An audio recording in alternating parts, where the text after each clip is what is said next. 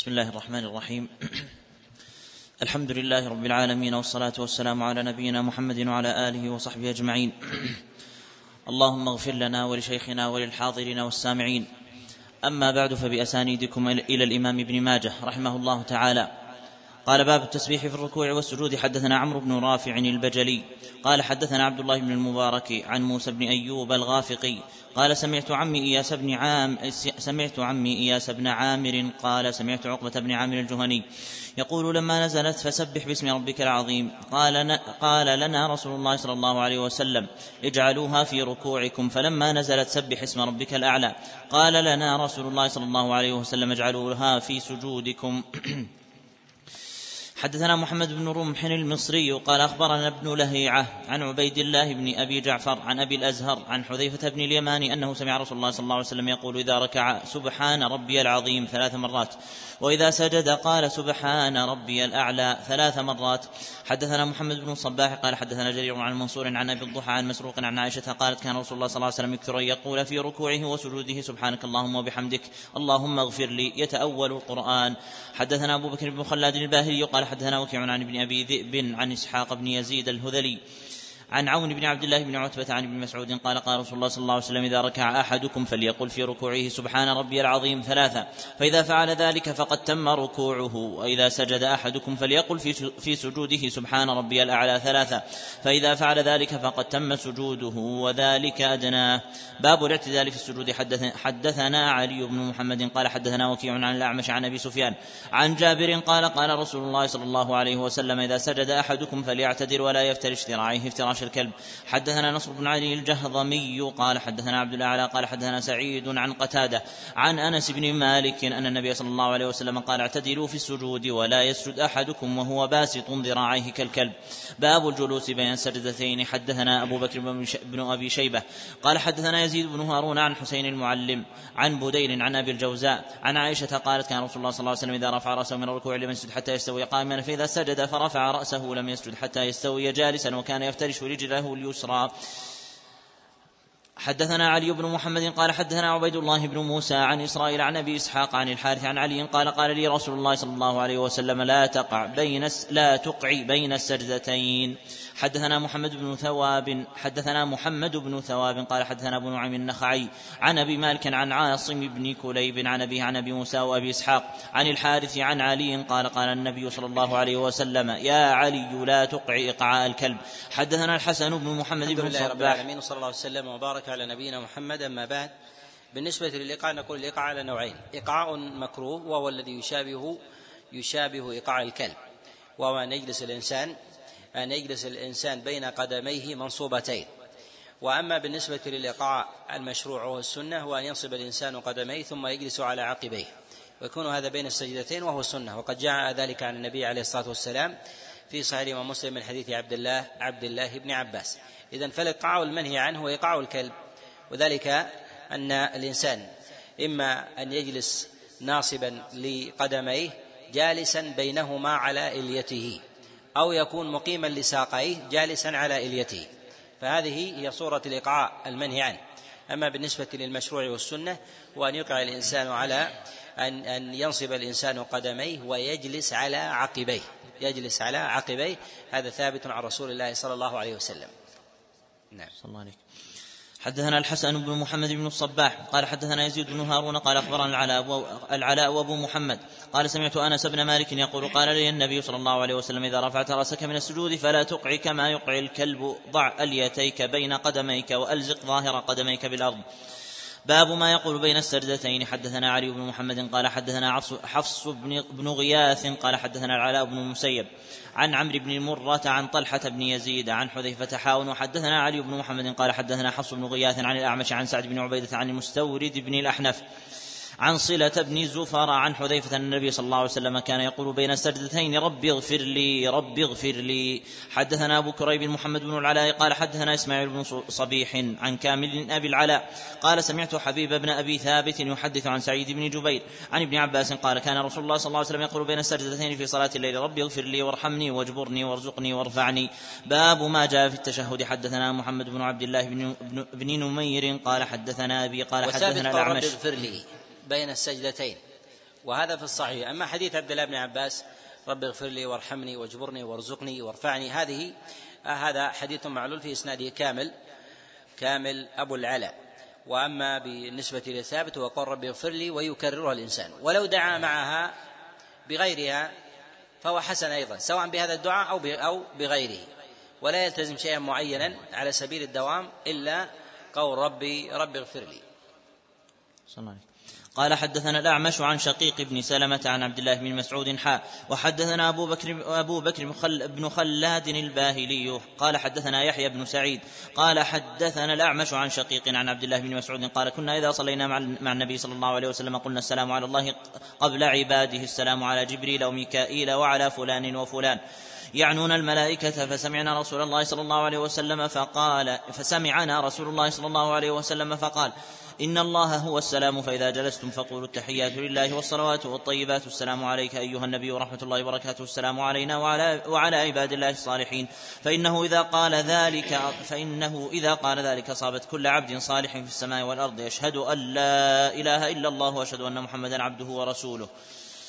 حدثنا محمد بن يحيى قال حدثنا عبد الرزاق قال أخبرنا الثوري عن منصور والأعمش وحسين وأبي هاشم وحماد عن أبي وائل وعن أبي إسحاق عن الأسود وأبي الأحوص عن عبد الله بن مسعود عن النبي صلى الله عليه وسلم فذكر نحوه.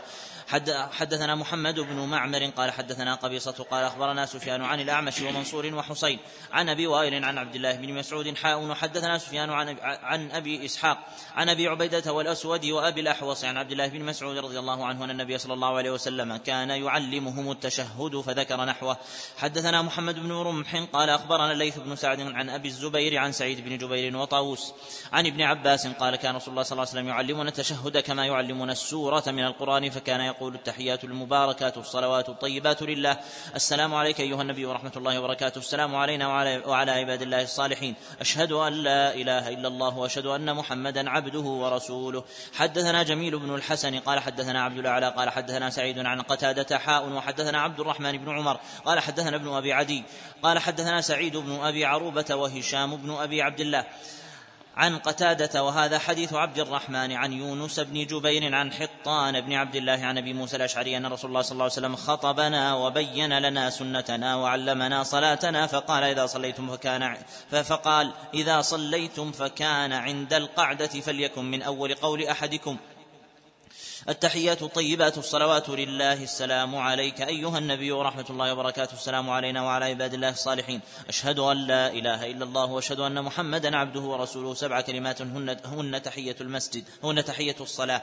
حدثنا محمد بن زياد قال حدثنا المعتمر بن سليمان حاء وحدثنا يحيى بن حكيم قال حدثنا محمد بن بكر قال حدثنا أيمن بن نابر قال حدثنا أبو الزبير. عن جابر بن عبد الله قال كان رسول الله صلى الله عليه وسلم وفي هذا الحديث وفي غيره من المسائل النبي عليه الصلاة والسلام كان يعلم أصحابه الفقه وأحكام العبادات على منبره. وقد جاء في ذلك جملة من الأحاديث التي تدل على هذا.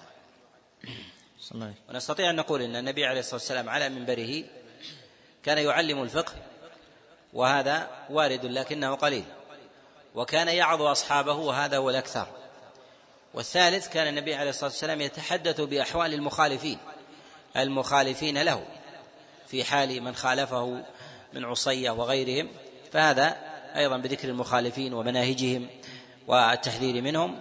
سلك النبي صلى الله عليه وسلم ذلك كما جاء عنه في الصحيح. صلى الله عليه عن جابر بن عبد الله رضي الله عنهما قال كان رسول الله صلى الله عليه وسلم يعلمون التشهد كما يعلمون السورة من القرآن. بسم الله وبالله التحيات لله والصلوات والطيبات. السلام عليك أيها النبي ورحمة الله وبركاته. السلام علينا وعلى عباد الله الصالحين. أشهد أن لا إله إلا الله وأشهد أن محمدا عبده ورسوله. أسأل الله الجنة وأعوذ بالله من النار. باب الصلاة على النبي صلى الله عليه وسلم. حدثنا أبو بكر بن أبي شيبة قال حدثنا خالد بن مخلد حاء وحدثنا محمد بن المثنى قال حدثنا أبو عامر قال حدثنا عبد الله بن جعفر عن يزيد بن الهادي عن عبد الله بن خباب عن أبي سعيد الخدري قال قلنا يا رسول الله هذا السلام عليك قد عرفناه فكيف الصلاة قال قولوا اللهم صل على محمد عبدك ورسولك كما صليت على إبراهيم وبارك على محمد وعلى آل محمد كما باركت على إبراهيم حدثنا علي بن محمد قال حدثنا وكيع قال حدثنا شعبة حاء وحدثنا محمد بن بشار قال حدثنا عبد الرحمن بن مهدي ومحمد بن جعفر قال حدثنا شعبة عن الحكم قال سمعت ابن أبي, ابن أبي ليلى قال لقيني كعب بن عجرة. فقال ألا أهدي لك هدية؟ خرج علينا رسول الله صلى الله عليه وسلم فقلنا قد عرفنا السلام عليك فكيف الصلاة عليك؟ فقال قال قولوا اللهم صل على محمد وعلى آل محمد كما صليت على إبراهيم إنك حميد مجيد. اللهم بارك على محمد وعلى آل محمد كما باركت على إبراهيم إنك حميد مجيد. حدثنا عمار بن طالوت قال حدثنا عبد الملك بن عبد العزيز الماجشون قال حدثنا مالك بن أنس عن عبد الله بن أبي بكر بن محمد بن عمرو بن حزم عن أبيه عن عمرو بن سليم الزرقي عن أبي حميد الساعدي أنهم قالوا يا رسول الله أمرنا بالصلاة عليك فكيف نصلي عليك؟ قال قولوا اللهم صل على محمد وأزواجه وذريته كما صليت على إبراهيم وبارك على محمد وأزواجه وذريته كما باركت على آل إبراهيم في العالمين إنك حميد مجيد حدثنا الحسين بن بيان بن بيان قال حد ابن بيان قال حدثنا زياد بن عبد الله قال حدثنا المسعودي عن عون بن عبد الله عن أبي فاختة عن الأسود بن يزيد عن عبد الله بن مسعود قال إذا صليتم على رسول الله صلى الله عليه وسلم فأحسنوا الصلاة عليه فإنكم لا تدرون لعل ذلك يعرض عليه قال فقالوا له فعلمنا قال قولوا اللهم اجعل صلواتك ورحمتك وبركاتك على سيد المرسلين وإمام المتقين وخاتم النبيين محمد عبدك ورسولك إمام الخير وقائد الخير ورسول رسول الرحمة اللهم ابعثه مقاما محمودا يغبطه به الأولون والآخرون. اللهم صل على محمد وعلى آل محمد كما صليت على إبراهيم وآل إبراهيم إنك حميد مجيد. اللهم بارك على محمد وعلى آل محمد كما باركت على إبراهيم وعلى آل وآل إبراهيم إنك حميد مجيد. حدثنا بكر بن خلف أبو بشر قال حدثنا خالد بن الحارث عن شعبة عن عاصم بن عبيد الله قال سمعت عبد الله بن عامر بن ربيعة عن أبي عن النبي صلى الله عليه وسلم قال ما من مسلم يصلي علي إلا صلت عليه الملائكة ما صلى علي فليقل العبد من ذلك أو ليكثر. حدثنا جبارة بن المغلس قال حدثنا حماد بن زيد عن عمرو بن عن عمرو بن دينار عن جابر بن زيد عن ابن عباس قال قال رسول الله صلى الله عليه وسلم من نسي الصلاة علي خطئ طريق الجنة. باب ما يقال في التشهد والصلاة على النبي صلى الله عليه وسلم. حدثنا عبد الرحمن بن إبراهيم الدمشقي قال حدثنا الوليد بن مسلم قال حدثنا المزاعي قال حدثنا حسان بن عطية قال حدثني محمد بن أبي, بن أبي عائشة قال سمعت أبا هريرة يقول قال رسول الله صلى الله عليه وسلم إذا فرغ أحدكم من التشهد الأخير فليتعوذ بالله من أربع من عذاب جهنم ومن عذاب القبر ومن فتنة المحيا والممات ومن فتنة المسيح الدجال. حدثنا يوسف بن موسى القطان حدثنا جرير عن الأعمش عن أبي صالح. عن أبي هريرة قال قال رسول الله صلى الله عليه وسلم لرجل ما تقول في الصلاة؟ قال أتشهد ثم أسأل الله الجنة وأعوذ به من النار. أم أما والله ما أحسن دندنتك ولا دندنة معاذ؟ فقال حولها ندندن. باب الإشارة في التشهد. حدثنا أبو بكر بن شيبة قال حدثنا وكيع عن عن عصام بن قدامة عن مالك بن نمير الخزاعي عن أبيه قال رأيت النبي صلى الله عليه وسلم واضعا يده اليمنى على فخذه اليمنى في الصلاة يشير بإصبعه. حدثنا علي بن محمد قال حدثنا عبد الله بن إدريس عن عاصم بن كليب عن أبيه عن وائل بن حجر قال رأيت النبي صلى الله عليه وسلم قد حلق الإبهام والوسطى ورفع التي تليه ما يدعو بها في التشهد. حدثنا محمد بن يحيى والحسن بن علي وإسحاق بن منصور قالوا حدثنا عبد الرزاق قال أخبرنا معمر عن عبيد الله عن نافع. عن ابن عمر النبي صلى الله عليه وسلم كان إذا جلس في الصلاة وضع يديه على ركبته ورفع إصبعه اليمنى التي تلي الإبهام فيدعو بها واليسرى على ركبته باسط باسطها عليها. باب التسليم. حدثنا محمد بن عبد الله بن نمير. قال حدثنا عمر بن عمر بن عبيد عن أبي إسحاق عن أبي عن أبي الأحوص. عن عبد الله إن رسول الله صلى الله عليه وسلم كان يسلم عن يمينه وعن شماله حتى يرى بياض خده. السلام عليكم ورحمة الله وبركاته. حدثنا محمود بن غيلان. قال حدثنا بشر بن السري ذكر وبركاته في هذا الحديث. وكذلك أيضا عند أبي داود في في بعض النسخ هي غير محفوظة. هي غير محفوظة ولا يثبت في ذلك عن النبي صلى الله عليه وسلم شيء. ولا أيضا عن أحد من أصحاب رسول الله صلى الله عليه وسلم مما يدل على أن العمل ليس عليها. صلى الله عليه حدثنا محمود بن غيلان قال حدثنا بشر بن السري عن مصعب بن ثابت بن عبد الله بن الزبير عن اسماعيل عن إسماعيل بن محمد بن سعد بن أبي وقاص عن عامر بن سعد عن أبيه أن رسول الله صلى الله عليه وسلم كان يسلم عن يمينه وعن يساره. حدثنا علي بن محمد قال حدثنا يحيى بن آدم قال حدثنا أبو بكر بن عياش عن أبي إسحاق عن صلة بن زفر عن عمار بن ياسر قال كان رسول الله صلى الله عليه وسلم يسلم عن يمينه وعن يساره حتى يرى بياض خده. السلام عليكم ورحمة الله. السلام عليكم ورحمة الله. حدثنا عبد الله بن عامر بن زرارة قال حدثنا أبو بكر بن عياش عن أبي إسحاق عن عن بريد بن أبي مريم عن أبي موسى قال صلى بنا علي يوم الجمل صلاة ذكرنا صلاة رسول الله صلى الله عليه وسلم فإما أن نكون نسيناها وإما أن نكون تركناها. يسلم على يمينه وعلى شماله. باب من يسلم يسلم باب من يسلم تسليمة واحدة. حدثنا أبو مصعب أبو مصعب المديني. أحمد بن أبي بكر قال حدثنا عبد المهيمن بن عباس عبد المهيمن بن عباس بن سهل بن سعد الساعدي عن أبيه. عن جده أن رسول الله صلى الله عليه وسلم سلم تسليمة واحدة تلقاء وجهه. حدثنا هشام بن عبان قال حدثنا عبد الملك بن محمد الصنعاني. قال حدثنا زهير بن محمد عن هشام بن عروة عن أبيه عن عائشة أن رسول الله صلى الله عليه وسلم كان يسلم تسليمة واحدة تلقاء وجهه. حدثنا محمد بن الحارث المصري قال حدثنا يحيى بن راشد عن عن يزيد عن يزيد مولى سلمة. عن سلمة بن الأكوع قال رأيت رسول الله صلى الله عليه وسلم صلى فسلم مرة واحدة.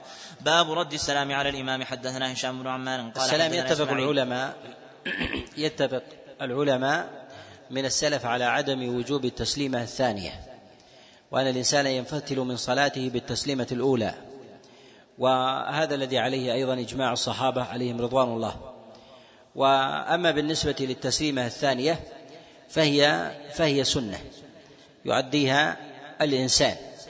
جاء في ذلك جملة من الأحاديث المرفوعة وهي أيضا لا تخلو من علل ولكن الثابت في ذلك الموقوف عن الصحابة عليهم رضوان الله تعالى بالتسليمة بالتسليمة الواحدة.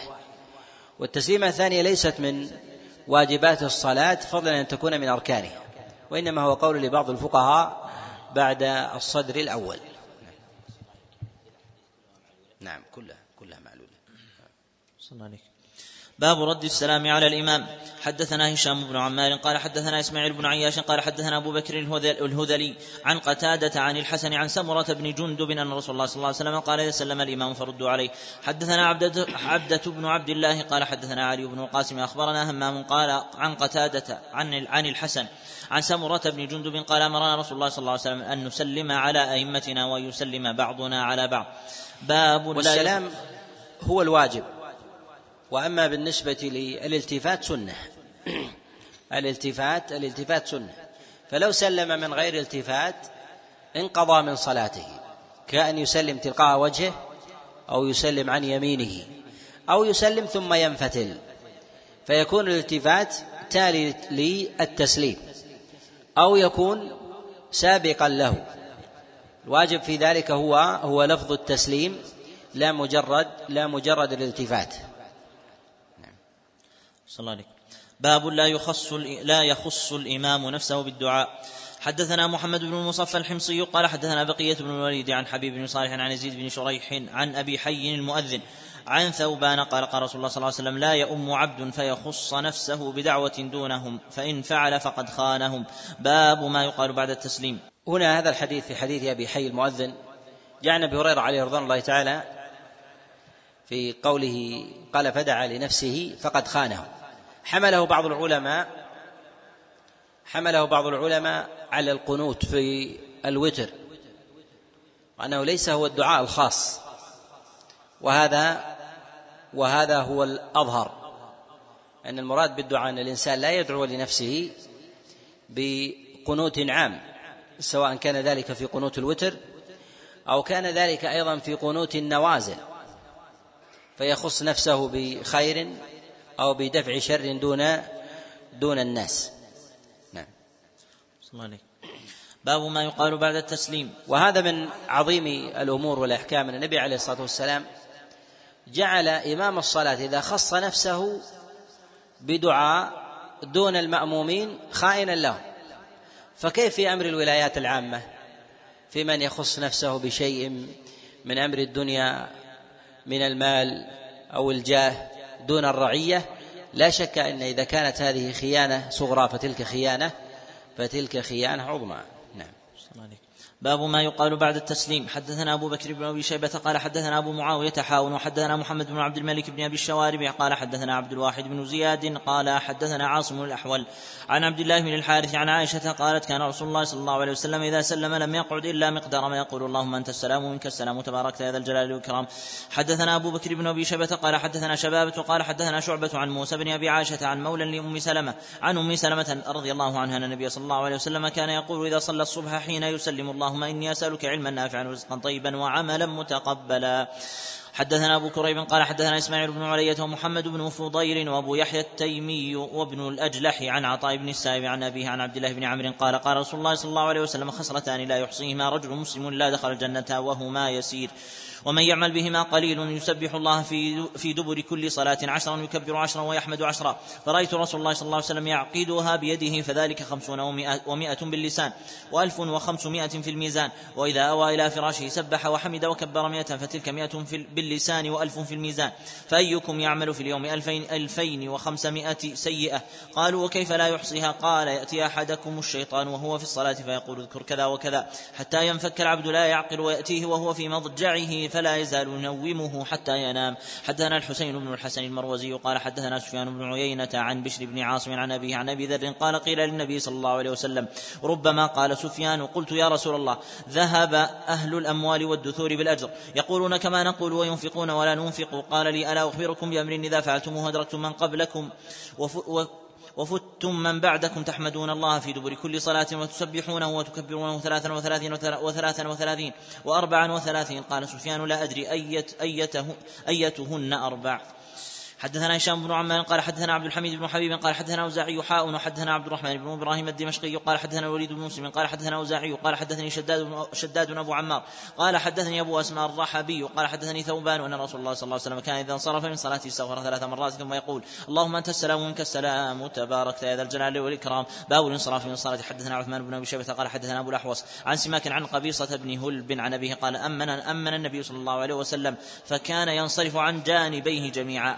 حدثني علي بن محمد قال حدثنا وكيع حاء وحدثني أبو بكر بن خلاد أبو بكر بن خلاد قال حدثنا يحيى بن سعيد قال حدثنا الأعمش عن, عن عمارة عن الأسود قال قال عبد الله لا يجعلن احد احد أحدكم للشيطان في نفسه جزءا يرى أن حقا عليه ألا ينصرف إلا عن يمينه فقد رأي قد رأيت رسول الله صلى الله عليه وسلم أكثر انصرافه عن يساره حدثنا بشر بن هلال الصواف قال حدثنا يزيد بن زريع عن حسين المعلم عن عمرو بن شعيب عن أبيه عن جده قال رأيت النبي صلى الله عليه وسلم ينفتل عن يمينه وعن يساره في الصلاة. حدثنا أبو بكر بن أبي شيبة قال حدثنا أحمد بن عبد الملك بن واقد قال حدثنا إبراهيم بن سعد عن ابن شهاب عن هند بنت الحارث. عن أم سلمة قالت كان رسول الله صلى الله عليه وسلم إذا سلم قام النساء حين حين يقضي تسليمه ثم يلبث في مكانه يسيرا قبل أن يقوم. باب إذا إذا حضرت الصلاة ووضع العشاء ووضع العشاء. حدثنا هشام بن عمان قال حدثنا سفيان بن عيينة عن الزهري عن أنس بن مالك عن رسول الله صلى الله عليه وسلم قال إذا وضع العشاء وقيمت الصلاة فابدأوا بالعشاء. حدثنا زهر بن مروان قال حدثنا عبد الوارث قال حدثنا أيوب عن نافع عن ابن عمر قال قال رسول الله صلى الله عليه وسلم إذا وضع العشاء وقيمت الصلاة فابدأوا بالعشاء. قال فتعشى ابن عمر ليلة وهو يسمع الإقامة.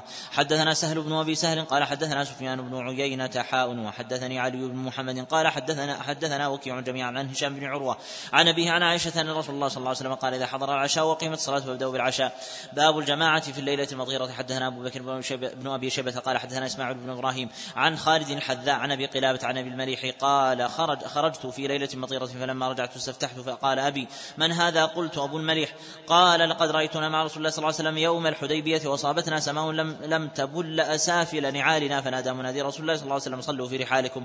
حدثنا محمد بن صباح قال حدثنا سفيان بن عيينة عن أيوب عن نافع عن ابن عمر قال كان رسول الله صلى الله عليه وسلم ينادي مناديه في ليلة المطير ينادي منادي مناديه ينادي مناديه في الليلة المطيرة أو الليلة الباردة ذات الريح صلوا في رحالكم. حدثنا عبد الرحمن بن عبد الوهاب قال حدثنا الضحاك بن مخلد عن عباد بن منصور قال سمعت عطاء يحدث عن ابن عباس عن النبي صلى الله عليه وسلم أنه قال في يوم جمعة يوم مطر صلوا في رحالكم. حدثنا أحمد بن عبدة قال حدثنا عباد بن عباد المهلبي قال حدثنا عاصم الأحول عن عبد الله بن الحارث بن نوفل أن ابن عباس رضي الله عنهما أمر المؤذن أن يؤذن يوم الجمعة وذلك يوم مطير فقال الله أكبر الله أكبر وأشهد أن لا إله إلا الله وأشهد أن محمدا رسول الله. ثم قال له نادي في الناس فليصلوا في بيوتهم. فقال له الناس ما هذا الذي صنعت؟ قال قد فعل هذا من هو خير مني تأمرني أن أحرج الناس فيأتوني يدوسون الطين إلى ركبهم. وهذا من السنن المهجورة بل إنه أولى من الجمع في المطر.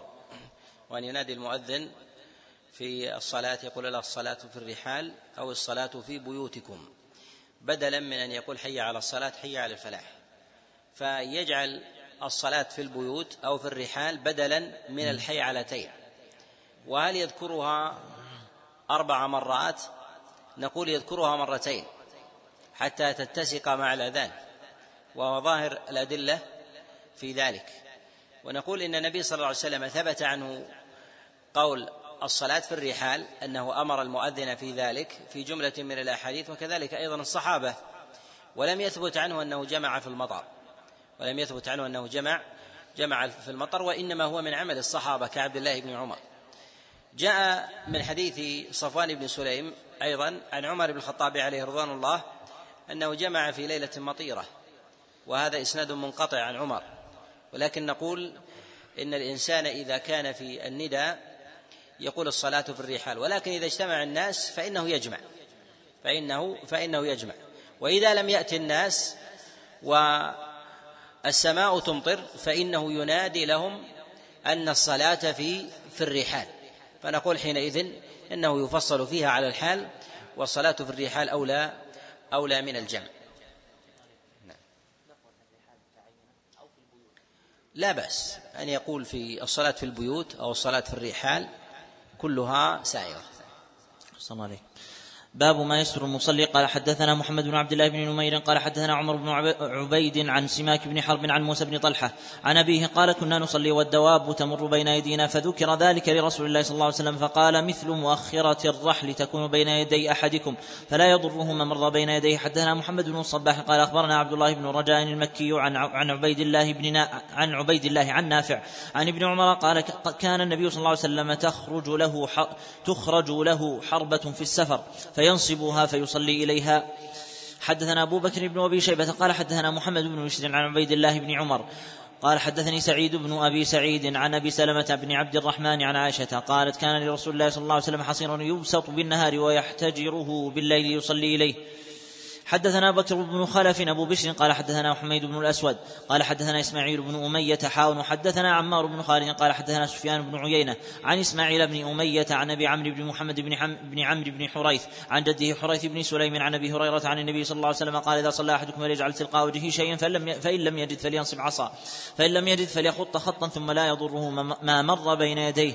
باب المرور بين يدي المصلي حدثنا هشام بن عمار قال حدثنا سفيان بن عيينة عن سالم من أبي النضر عن بسر بن سعيد قال أرسلوني إلى زيد بن خالد أسأله عن المرور بين يدي المصلي فأخبرني عن, عن النبي صلى الله عليه وسلم قال لأن يقوم أربعين خير له من أن يمر بين يديه.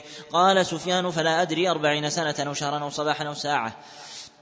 حدثنا علي بن محمد قال حدثنا وكيع قال حدثنا سفيان عن سالم بن أبي النضر عن بسر بن سعيد أن زيد بن خالد ارسل إلى أبي جهيم الأنصاري يسأله ما سمعت من النبي صلى الله عليه وسلم في الرجل يمر بين يدي الرجل وهو يصلي؟ فقال سمعت النبي صلى الله عليه وسلم يقول لو يعلم أحدكم ما له أن يمر بين يدي أخيه وهو يصلي كان لأن يقف أربعين؟ قال لا أدري أربعين عاما أو أربعين شهرا أو أربعين يوما خير له من ذلك. حدثنا أبو بكر بن أبي شيبة قال حدثنا وكيع عن عبيد الله بن عبد الرحمن بن موهب عن عمه عن أبي هريرة قال قال النبي صلى الله عليه وسلم لو يعلم أحدكم ما له في أن يمر بين يدي أخيه معترضا في الصلاة كان لأن يقيم مئة عام خير له من الخطوة التي خطاها. باب ما يقطع الصلاة. حدثنا هشام بن عمار قال حدثنا سفيان عن الزهري عن عبيد الله بن عبد الله عن ابن عباس قال كان النبي صلى الله عليه وسلم يصلي بعرفة فجئت أنا والفضل على أتان فمررنا على بعض الصف فنزلنا عنها وتركناها ثم دخلنا في الصف. حدثنا أبو بكر بن أبي شيبة قال حدثنا وكيع عن أسامة بن زيد عن محمد بن قيس وهو قاص عمر عمر بن عبد العزيز عن أبيه عن أم سلمة قالت كان النبي صلى الله عليه وسلم يصلي في حج في حجرة أم سلمة فمر بين يديه عبد الله أو عمر بن أبي سلمة فقال بيده هكذا فرجع فمرت زينب بنت أم سلمة فقال بيده هكذا فمضت فلما صلى رسول الله صلى الله عليه وسلم قال هن أغلب.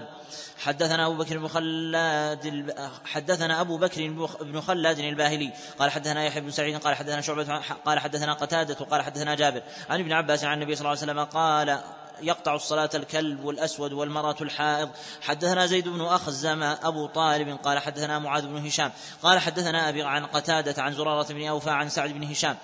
عن أبي هريرة عن النبي صلى الله عليه وسلم قال يقطع الصلاة المرأة والكلب والحمار. حدثنا جميل بن الحسن قال حدثنا عبد الله قال حدثنا سعيد عن قتاده عن قتادة عن الحسن عن عبد الله بن مغفل عن النبي صلى الله عليه وسلم قال يقطع الصلاة المرأة والكلب والحمار. حدثنا محمد بن بشار قال حدثنا محمد بن جعفر قال حدثنا شعبة عن حميد بن هلال عن عبد الله بن الصامت عن أبي ذر عن النبي صلى الله عليه وسلم قال يقطع الصلاة إذا لم يكن بين يدي الرجل مثل مؤخرة الرحل المرأة والحمار والكلب الأسود. قلت ما بال الأسود من الأحمر؟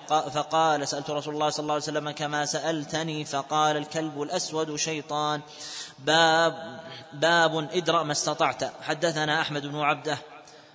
قال حدثنا حماد بن زيد قال حدثنا يحيى بن معلى عن الحسن العرني قال ذكر عند ابن عباس ما يقطع الصلاة فذكروا الكلب والحمار والمرة فقال ما تقولون في الجد إن رسول الله صلى الله عليه وسلم كان يصلي يوما فذهب جدي يمر بين يديه فبادره رسول الله صلى الله عليه وسلم القبلة. حدثنا أبو كريب قال حدثنا أبو خالد الأحمر عن ابن عجلان عن عن زيد بن أسلم عن عبد الرحمن بن أبي سعيد عن أبيه قال قال رسول الله صلى الله عليه وسلم إذا صلى أحدكم فليصلي إلى سدرة وليدن منها ولا يدع أحدا يمر بين يديه. فإن جاء أحد يمر فليقاتله فإنه شيطان. حدثنا هارون بن عبد الله الحمال والحسن بن داود المنكدري. قال حدثنا ابن أبي فديك عن الضحاك بن عثمان عن صدقة بن يسار عن عبد الله بن عمر أن رسول الله صلى الله عليه وسلم قال إذا كان أحدكم يصلي فلا يدع أحدا يمر بين يديه. فإن با فليقاتله فإن معه القرين. وقال المنكدري فإن معه العزى. باب من صلى وبينه وبين القبلة شيء. حدثنا أبو بكر بن أبي شيبة قال حدثنا سفيان عن الزهري عن عروة عن عائشة النبي صلى الله عليه وسلم كان يصلي من الليل وأنا معترضة بينه وبين القبلة كاعتراض الجنازة. قال حدثنا بكر بن خلف وسويد بن سعيد قال حدثنا يزيد بن زريع قال حدثنا خالد بن حذاء عن أبي قلابة عن زينب بنت أم أبي سلمة عن أمها قالت كان فراشها بحيال مسجد رسول الله صلى الله عليه وسلم. حدثنا أبو بكر بن أبي شيبة قال حدثنا عباد بن العوام عن الشيباني عن عبد الله بن شداد قال حدثتني ميمونة زوج النبي صلى الله عليه وسلم قالت كان النبي صلى الله عليه وسلم يصلي وأنا بحذائه وربما أصابني ثوبه إذا سجد. حدثنا محمد بن إسماعيل قال حدثنا زيد بن الحباب قال حدثني أبو المقدام عن عن محمد بن كعب عن ابن عباس قال نهى رسول الله صلى الله عليه وسلم يصلى خلف المتحدث والنائم. باب النهي أن يسبق الإمام بالركوع والسجود. حدثنا أبو بكر بن أبي شيبة قال حدثنا محمد بن عبيد عن الأعمش عن أبي صالح عن أبي هريرة قال كان النبي صلى الله عليه وسلم يعلمنا ألا نبادر الإمام بالركوع والسجود وإذا كبر فكبر وإذا سجد فاسجدوا. حدثنا حميد بن مسعد وسويد بن سعيد قال حدثنا حماد بن زيد قال حدثنا محمد بن زياد. عن أبي هريرة قال قال أبو القاسم صلى الله عليه وسلم ألا يخشى الذي يرفع رأسه قبل الإمام أن يحول الله رأسه رأس حمار. حدثنا محمد بن عبد الله بن نمير قال حدثنا أبو بدر شجاع بن الوليد عن زياد بن خيثمة عن أبي إسحاق عن عن دارم عن سعيد بن أبي بردة. عن أبي بردة عن أبي موسى قال قال رسول الله صلى الله عليه وسلم إني قد بدنت فإذا ركعت فإذا ركعت فاركعوا. وإذا رفعت فارفعوا وإذا سجدت فاسجدوا ولا ألفين رجلا يسبقني إلى الركوع ولا إلى السجود. حدثنا هشام بن عمان قال حدثنا سفيان عن ابن عجلان حاول وحدثنا أبو بشر بكر بن خلف قال حدثنا يحيى بن سعيد عن ابن عجلان عن محمد بن يحيى بن, بن حبان عن ابن محيريز عن معاوية بن أبي سفيان رضي الله عنه قال قال رسول الله صلى الله عليه وسلم لا تبادروني بالركوع ولا بالسجود فمهما أسبقكم به إذا ركعت تدركوني به إذا رفعت ومهما أسبقكم به إذا سجدت تدركوني به إذا رفعت إذ إني قد بدنت. باب ما يكره في الصلاة. حدثنا عبد الرحمن بن إبراهيم الدمشقي قال حدثنا ابن أبي فديك قال حدثنا هارون بن هارون بن عبد الله بن الهدير التيمي عن الأعرج عن أبي هريرة أن رسول الله صلى الله عليه وسلم قال إن من الجفاء أن يكثر الرجل مسح جبهته قبل الفراغ من صلاته.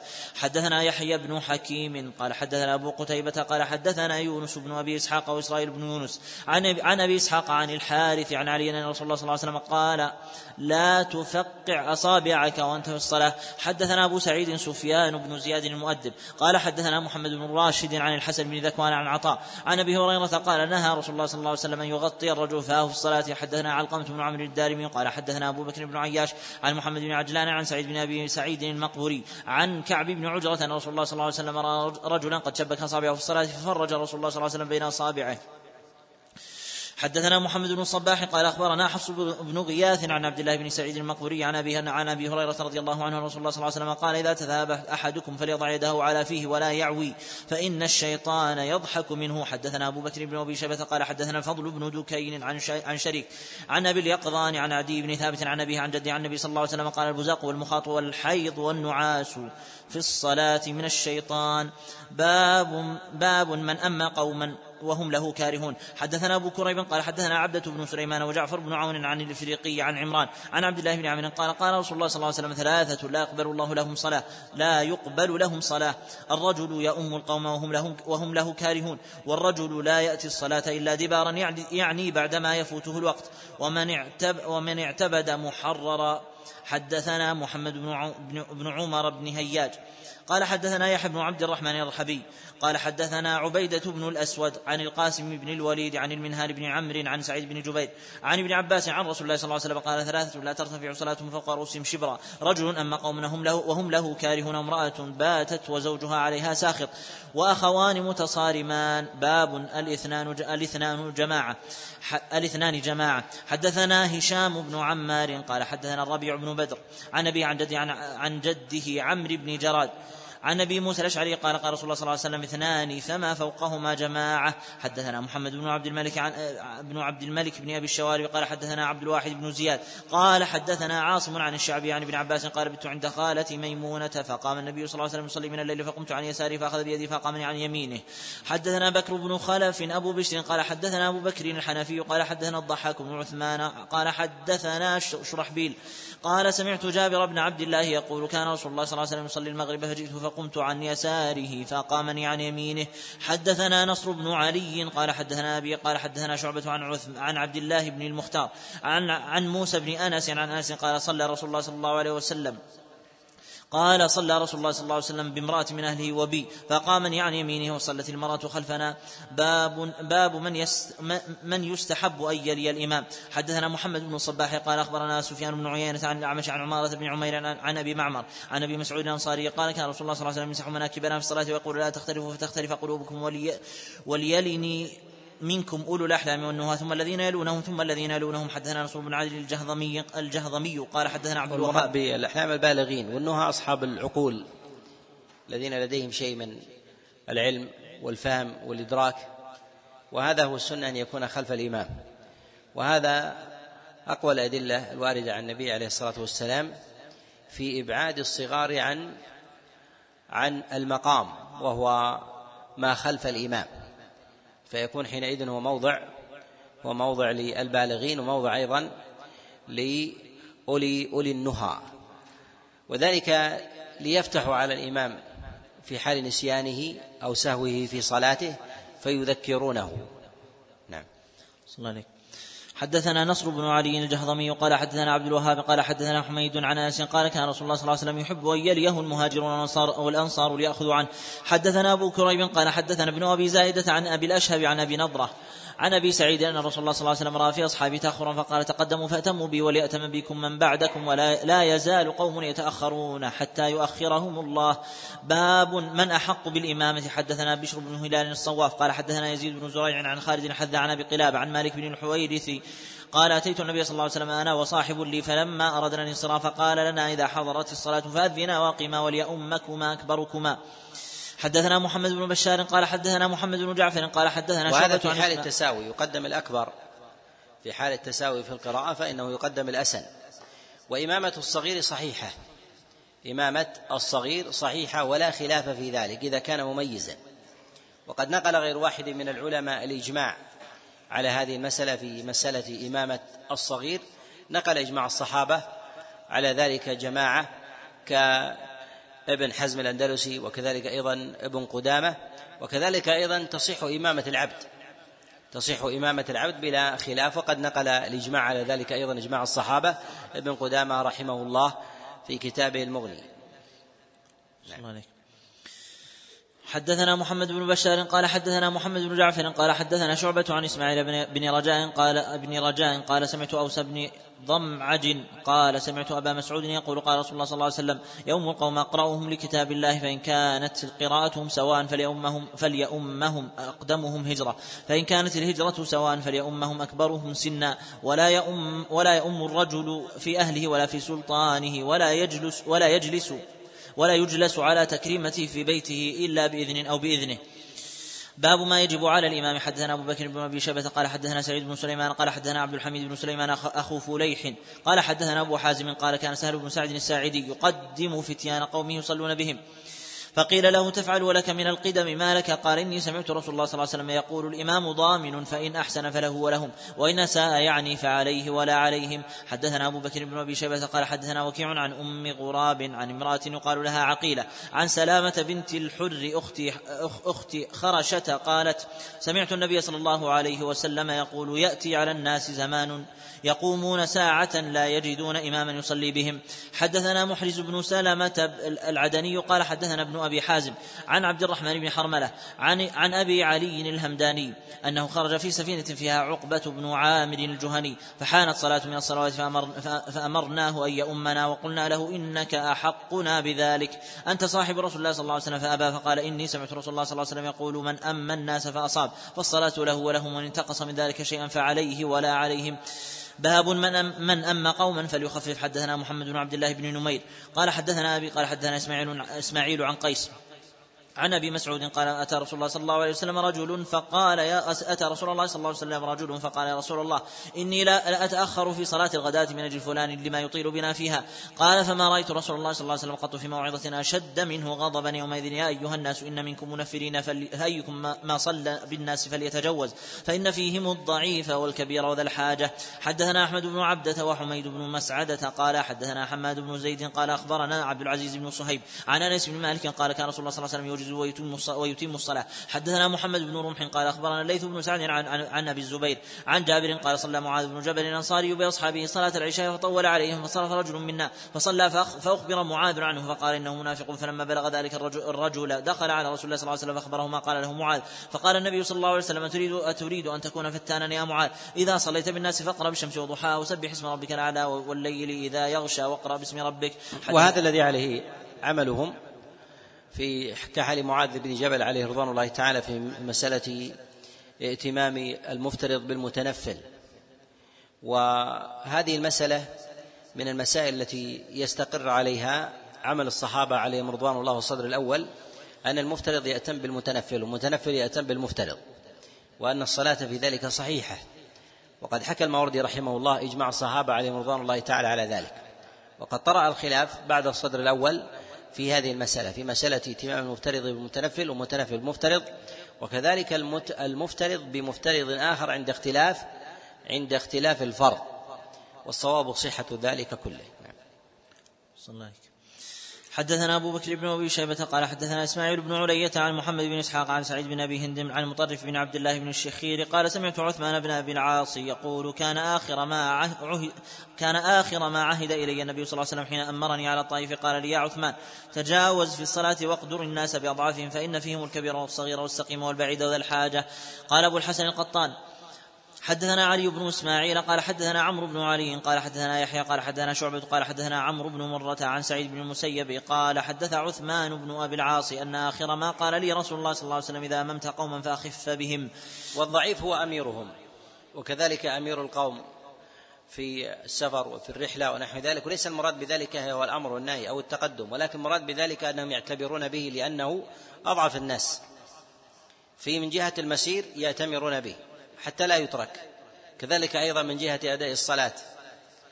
يخفف لأضعف الناس لأضعف الناس وجودا.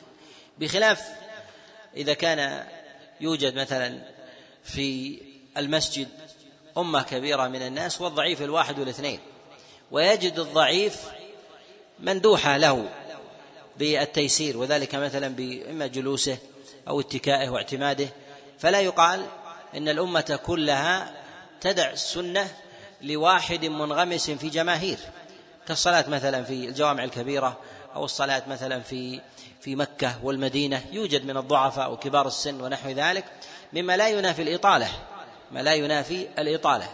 وذلك لإمكانه أن يعترض أو أن يجلس أو أن يصلي شيئا ويدع ويدع شيئا حتى لا تفوت السنة. ولكن في الجماعات اليسيرة التي يصلي بها الإنسان في مساجد الأحياء مساجد الراتبة التي يصلي فيها على الحي فإنه يقتدى بالأضعف بالأضعف منه. نعم. باب الإمام يخفف الصلاة إذا حدث أمر. حدثنا نصر بن علي الجهضمي قال حدثنا عبد العلي عبد, عبد الأعلى قال حدثنا سعيد عن قتادة عن أنس بن مالك قال قال رسول الله صلى الله عليه وسلم إني لا أدخل في الصلاة وأنا أريد إطالتها فأسمع بكاء الصبي فتجوز في صلاتي مما أعلم لوجد أمه ببكائه. حدثنا إسماعيل بن أبي كريمة الحراني قال حدثنا محمد بن سلمة عن محمد بن عبد الله بن علاثة عن هشام بن حسان عن عن الحسن عن عثمان بن أبي العاص قال قال رسول الله صلى الله عليه وسلم إني لا أسمع بكاء الصبي فتجوز في الصلاة. حدثنا عبد الرحمن بن إبراهيم قال حدثنا عمر بن عبد الواحد وبشر بن بكر عن الأوزاعي الأوزاعي عن يحيى بن أبي كثير عن عبد الله بن أبي قتادة. عن أبيه قال قال رسول الله صلى الله عليه وسلم إني لا أقوم الصلاة وأنا أريد أن أطول فيها فأسمع بكاء الصبي فأتجوز كراهية أن يشق على أمه. باب إقامة الصفوف. نعم.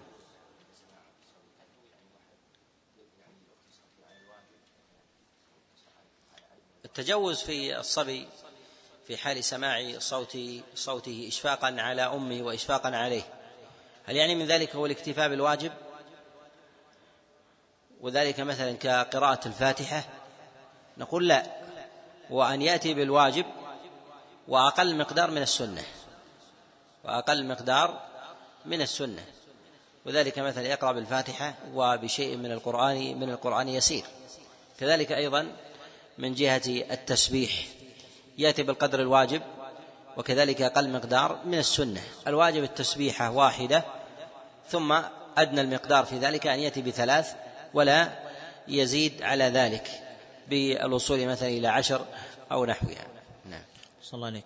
باب إقامة الصفوف. حدثنا علي بن محمد قال حدثنا وكيع قال حدثنا أعمش عن المسيب بن رافع عن تميم بن طرفة عن جابر بن سمرة السوائي قال قال رسول الله صلى الله عليه وسلم ألا تصفون كما تصف الملائكة عند ربها؟ قال قلنا وكيف تصف الملائكة عند ربها؟ قال يتمون الصفوف الأول ويتراصون في الصف.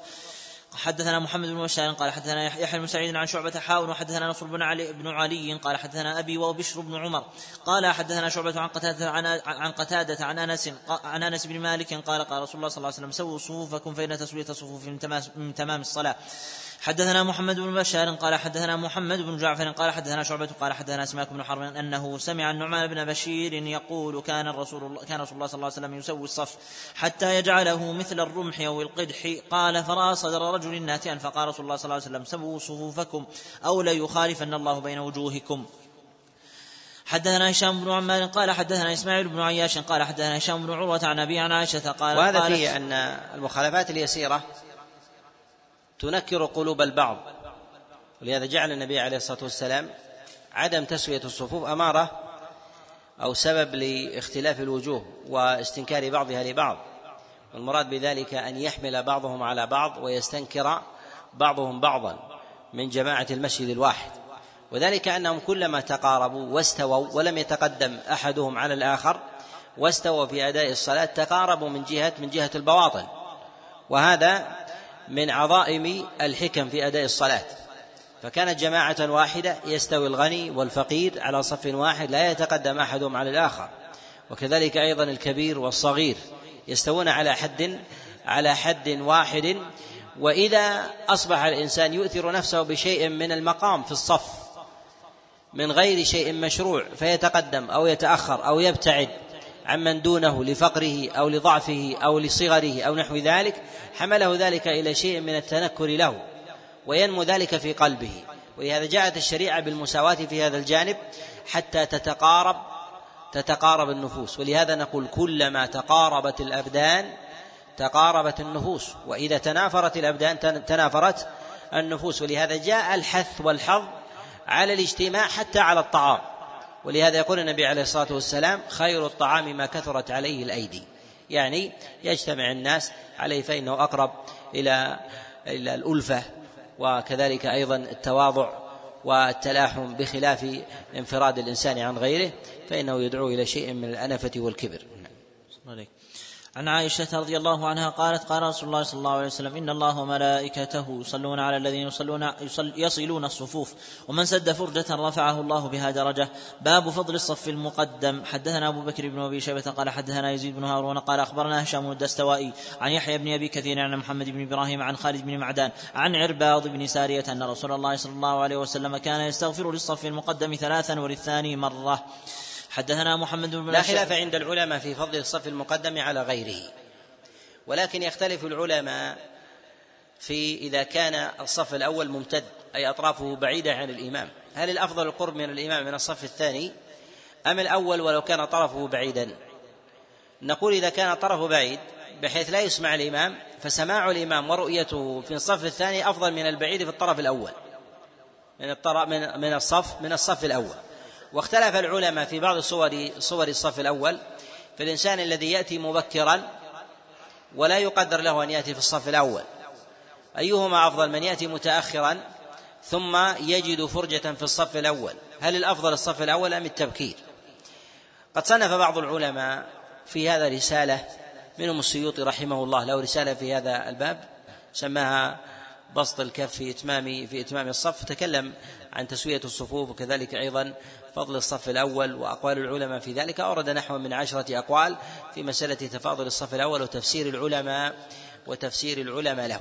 أول ما ينصرف إليه الصف الأول المراد بذلك هو الصف البدني الحسي المعروف. وأما التبكير فله خصائصه في الشريعة ودلت الأدلة عليه من كلام رسول الله صلى الله عليه وسلم وكذلك أيضا وكذلك أيضا من فعله.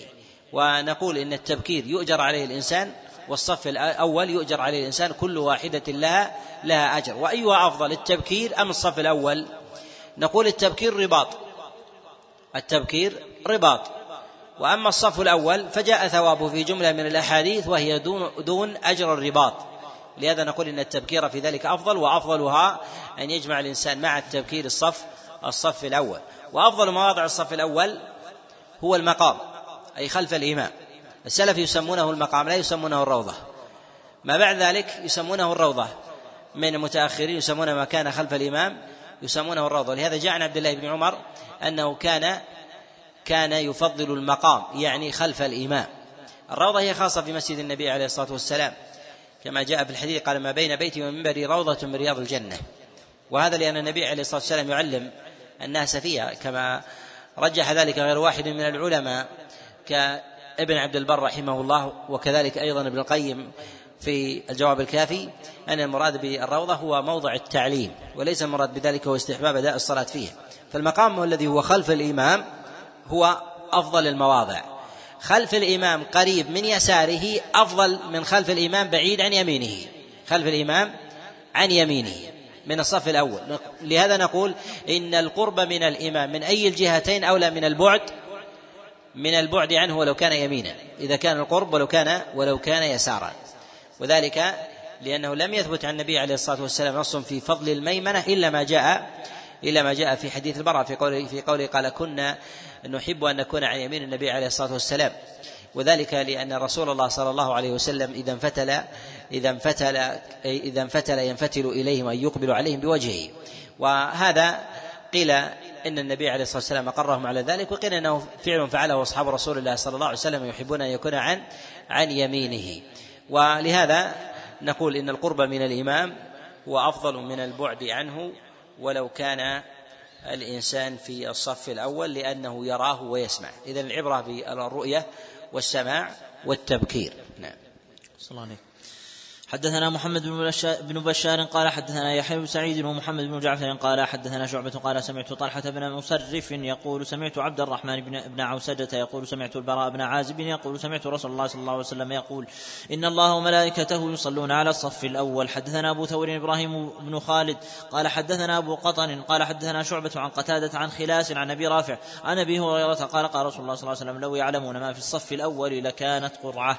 حدثنا محمد بن المصفى الحمصي قال حدثنا أنس بن عياض قال حدثنا محمد بن عمرو بن علقمة عن إبراهيم بن عبد الرحمن بن عوف بن عوف عن أبيه قال قال رسول الله صلى الله عليه وسلم إن الله وملائكته يصلون على الصف الأول. باب صفوف النساء. حدثنا أحمد بن عبدة قال حدثنا عبد العزيز بن محمد عن العلاء عن أبيه عن أبي هريرة وعن سهيل بن وعن سهيل عن أبيه عن أبي هريرة. قال قال رسول الله صلى الله عليه وسلم خير صفوف النساء آخرها وشرها أولها وخير صفوف الرجال أولها وشرها آخرها. حدثنا علي بن محمد قال حدثنا وكيع عن سفيان عن عبد الله بن محمد بن عقيل عن جابر بن عبد الله قال قال رسول الله صلى الله عليه وسلم خير صفوف الرجال مقدمها وشرها مؤخرها وصفوف وخير صفوف النساء مؤخرها وشرها مقدمها باب الصلاة بين السواري وذلك بسبب القرب من الرجال. وهذا من الأدلة على منع الاختلاط وحظره. وهذا إذا كان في المساجد والرجال يستدبرون النساء مع ذلك كانت صفوف صفوف النساء المتأخرة أفضل من المتقدمة. وأما إذا كانت النساء منفصلة عن الرجال كما في حال كثير من المساجد اليوم هل هذا الأمر يبقى على ما هو عليه؟ نقول يبقى. يبقى على ما هو عليه لعموم لعموم الدليل. كذلك أيضا أن القرب له أثر سواء كان القرب البدني أو القرب النفسي. فإن الإنسان لو قرب بدنا ولو ولو بحائل ربما يكون في ذلك شيء من من الأثر. نعم. باب الصلاة بين السواري في الصف. حدثنا زيد بن أخزم أبو طالب قال حدثنا أبو داود وأبو قتيبة قال حدثنا هارون بن مسلم عن قتادة عن معاوية بن قرة عن أبيه قال كنا ننهى أن نصف بين السواري على عهد رسول الله صلى الله عليه وسلم ونطرد عنها طردا. وذلك لأنها تقطع الصف. الصلاة بين السواري تفصل بين الصفور هذا كانوا كانوا ينهون عن عن ذلك فلا يصلون بينها فيكون الصف إما قبلها أو أو بعدها. فإذا احتيج إليه لشدة الزحام في بعض المساجد مثل الجمع إما أن يصلون بين السواري أو لا يصلون لا يجدون مكانا. أو يصلون في زحام يصلي بعضهم على عقاب أو على على أكتاف بعض. فماذا يفعلون؟ نقول يصلون بين السواري لأن هذا لأن هذا أدنى أدنى الضررين. والنهي عن الصلاة بين السواري هذا محل محل اتفاق. عند السلف وقد حكى الإجماع على ذلك غير واحد كما حكاه ابن حزم الأندلسي كما في كتاب المحلى حكاه عن ابن مسعود وحذيفة بن اليمان وغيرهم. نعم. لا. يعني في أثناء في أثناء الصفوف؟ في الأطراف. أي لا. الأطراف الرخام الذي يكون في الأطراف هذا نهاية. هذا نهاية. ولهذا نقول إن الصف الأول لا يلزم من ذلك أن ينتهي بحائط. لا يلزم من ذلك أن ينتهي أن ينتهي بحائط. ولكن نقول إن الصفوف في هذا تكون قرب الإمام ما سمع الإمام ما سمع الإمام ورؤي ولو يراه الإنسان مثلا بطرف عينه ونحو ذلك فهذا فهذا يكفي.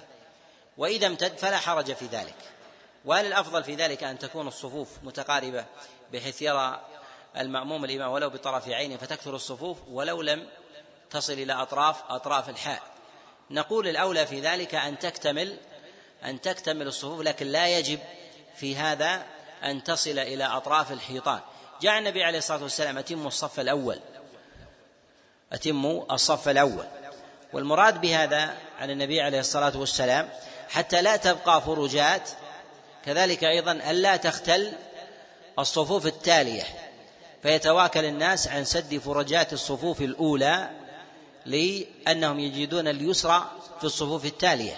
ولهذا نقول الأولى في ذلك أن يتم الإنسان أطراف الصف إلى الحائط إلا أنه لا يجب لو جاء لو جاء بصف ثاني.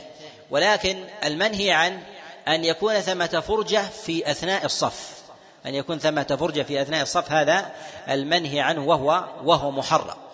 أما وجود مساحة في بعض الأطراف ويأتي الإنسان يستأنف صفا جديدا هذا لا يقال بتحريمه. صلى الله عليه حدثنا علي بن محمد قال حدثنا وكيع عن سفيان عن عبد الله بن محمد بن عقيل عن جابر بن عبد الله قال قال رسول الله صلى الله عليه وسلم خير صفوف الرجال مقدمها وشرها مؤخرها وخير صفوف النساء مؤخرها وشرها مقدمها. باب الصلاة بين السواري في الصف. حدثنا زيد بن أخزم أبو طالب قال حدثنا أبو داود أبو قتيبة قال حدثنا هارون بن مسلم عن قتادة عن معاوية بن قرة عن أبيه قال كنا ننهى أن نصف بين السواري على عهد رسول الله صلى الله عليه وسلم ونطرد ونطرد عنها طردا. باب صلاة الرجل خلف الصف وحده. حدثنا أبو بكر بن أبي شيبة شيبة قال حدثنا ملازم بن عمرو. عن عبد, عن عبد الله بن بدر قال حدثني عبد الرحمن بن علي بن شيبان. عن أبيه علي بن شيبان وكان من الوفد قال خرجنا حتى قدمنا على النبي صلى الله عليه وسلم فبايعناه صلينا خلفه قال ثم صلينا وراءه صلاة أخرى فقضى الصلاة فرأى رجلا فردا يصلي خلف الصف. قال فوقف عليه نبي الله صلى الله عليه وسلم حين انصرف قال استقبل صلاتك لا صلاة الذي صل للذي خلف الصف. حدثنا أبو بكر بن أبي شيبة قال حدثنا عبد الله بن إدريس عن حسين عن هلال بن يساف قال أخذ بيدي زياد بن أبي الجعد فأوقفني على شيخ بالرقة يقال له وابصة بن معبد. فقال صلى رجل خلف الصف وحده فأمره النبي صلى الله عليه وسلم أن يعيد. باب فضل ميمنة الصف. حدثنا عثمان بن أبي شيبة قال حدثنا معاوية بن هشام قال حدثنا, حدثنا سفيان. عن أسامة بن زيد عن عثمان بن عروة عن عروة عن عائشة قالت قال, قال رسول الله صلى الله عليه وسلم إن الله ملائكته يصلون على ميامن الصفوف. حدثني علي بن محمد قال حدثنا وكيع عن مسعر عن ثابت بن عبيد عن, عن ابن البراء بن عازب عن البراء قال كنا إذا صلينا خلف رسول الله صلى الله عليه وسلم قال مسعر مما نحب أو مما أحب أن نقوم عن يمينه حدثنا محمد محمد بن أبي الحسين أبو جعفر قال حدثنا عمرو بن عثمان الكلابي قال حدثنا عبيد الله بن عمرو الرقي عن ليث بن أبي سليم عن ليث بن أبي سليم عن نافع عن ابن عمر قال قيل للنبي صلى الله عليه وسلم إن ميسرة المسجد تعطلت. فقال النبي صلى الله عليه وسلم من عمر ميسرة المسجد كتب له كفلان من الأجر. باب القبلة. حدثنا عباس بن عثمان الدمشقي قال حدثنا وليد بن مسلم قال حدثنا مالك بن أنس عن جعفر بن محمد عن أبيه عن جابر أنه قال لما فرغ رسول الله صلى الله عليه وسلم من طواف البيت أتى مقام إبراهيم فقال عمر يا رسول الله هذا مقام أبينا إبراهيم الذي قال الله واتخذوا من مقام إبراهيم مصلى. قال الوليد فقلت لمالك هكذا قرأ واتخذوا؟ قال نعم. حدثنا محمد بن الصباح قال حدثنا هشيم عن حميد الطويل عن أنس بن مالك قال قال عمر قلت يا رسول الله لو اتخذت من مقام إبراهيم مصلى فنزلت واتخذوا من مقام إبراهيم مصلى. حدثنا علقمة بن عمرو الدارمي وقال حدثنا أبو بكر بن عياش قال عن عن أبي إسحاق عن البراء قال صلينا مع رسول الله صلى الله عليه وسلم نحو بيت المقدس ثمانية عشر شهرا. وصرفت القبلة إلى الكعبة بعد دخوله المدينة بشهرين. وكان رسول الله صلى الله عليه وسلم إذا صلى إلى بيت المقدس أكثر تقلب وجهه في السماء وعلم الله من قلب نبيه صلى الله عليه وسلم أنه يهوى الكعبة. فصعد جبريل فجعل رسول الله صلى الله عليه وسلم يتبعه بصره وهو يصعد بين السماء والأرض ينظر ما يأتيه به فأنزل الله قد نرى تقلب وجهك في السماء. الآية. فأتانا آت فقال إن القبلة قد صرفت إلى الكعبة وقد صلينا ركعتين إلى بيت المقدس ونحن ركوع فتحولنا فبنينا على ما مضى من صلاتنا. فقال رسول الله صلى الله عليه وسلم يا جبريل كيف حالنا في صلاتنا إلى بيت المقدس؟ فأنزل الله عز وجل وما كان الله ليضيع إيمانكم. في هذا أنه يجوز للإنسان أن يخاطب المصلي لمصلحة صلاته ولو كان مصلي. كذلك أيضا أن يتحرك المصلي لمصلحة الصلاة إما لاستدارة قبلة أو مثلا للاستتار بشيء أو مثلا أن يصلي على موضع هو أخشع أخشع له أو أن يتحرك من لأن يستظل بدلا من أن يسجد على موضع موضع شمس يجد حرا عند سجوده ف ليسجد على على موضع ظل. فهذا مما لا بأس لا بأس به وهو من الحركة من الحركة الجائزة. استقبال القبلة هذا على ما تقدم مما مما لا خلاف لا خلاف فيه. وللإنسان أن يصلي في بعض المواضع إلى جهة يريدها ويجوز له أن يصلي إلى غيرها. وذلك مثلا في الصلاة في جوف الكعبة يصلي إلى إلى أي جهة إلى أي جهة شاء. كذلك أيضا إذا صلى في الجهة الأخرى من الأرض بحيث تستوي في ذلك الجهات فهل للإنسان في ذلك التخير أنه يصلي يصلي ما شاء على أي جهة؟ نقول لا. ليس له إلا إذا كان منفردا. إذا كان منفردا بخلاف الجماعات. إذا كان الجماعات يوضع مسجد يوضع مسجد في مثل هذا على قبلة واحدة. لماذا؟ حتى لا تكون القبلة ألعوبة. يتخذ في المسجد عدة محاريب. إلى عدة إلى عدة جهات. يقال يوضع على جهة معينة ثم يصلى يصلى إليه. وأما إذا كان منفردا قد يترخص الإنسان. وأما المتنفل في سفره إذا كان مسافرا ويصلي على راحلته. يصلي على راحلته. إذا كان يصلي على راحلته فالسنة أن يستقبل القبلة. ثم يصلي أينما اتجهت به راحلته. واستقباله سنة ابتداء. هذا إذا كان على الراحلة ولكن إذا كان على الأرض وأراد أن يتنفل وجب عليه قولا واحدا. وجب عليه أن يستقبل القبلة قولا واحدا وإنما يرخص في مسألة الاستقبال إذا كان على الراحلة وفي النافلة وأن يكون وأن يكون مسافرا. أما الصلاة على الراحلة في حال الإقامة فلم يثبت عن النبي عليه الصلاة والسلام في ذلك شيء. جاء فيه خبر من حديث أنس بن مالك ولا يثبت عن النبي عليه الصلاة والسلام ولا عن أحد من أصحابه أنهم صلوا على الراحلة في الحضر في النافلة. صلى الله عليه حدثنا محمد بن يحيى الأزدي قال حدثنا هاش قال حدثنا هاشم بن القاسم حاون وحدثنا محمد بن يحيى النيسابوري. قال حدثنا عاصم بن علي قال حدثنا أبو معشر عن محمد بن عمرو عن أبي سلمة. عن أبي هريرة قال قال رسول الله صلى الله عليه وسلم ما بين المشرق والمغرب قبلة. باب من دخل المسجد فلا باب من دخل المسجد فلا يجلس حتى يركع. حدثنا إبراهيم بن المنذر الحزامي ويعقوب بن حميد بن كاسب قال حدثنا ابن أبي فديك عن كثير بن زيد عن المطلب بن عبد الله. عن أبي هريرة أن رسول الله صلى الله عليه وسلم قال إذا دخل أحدكم المسجد فلا يجلس حتى يركع ركعتين.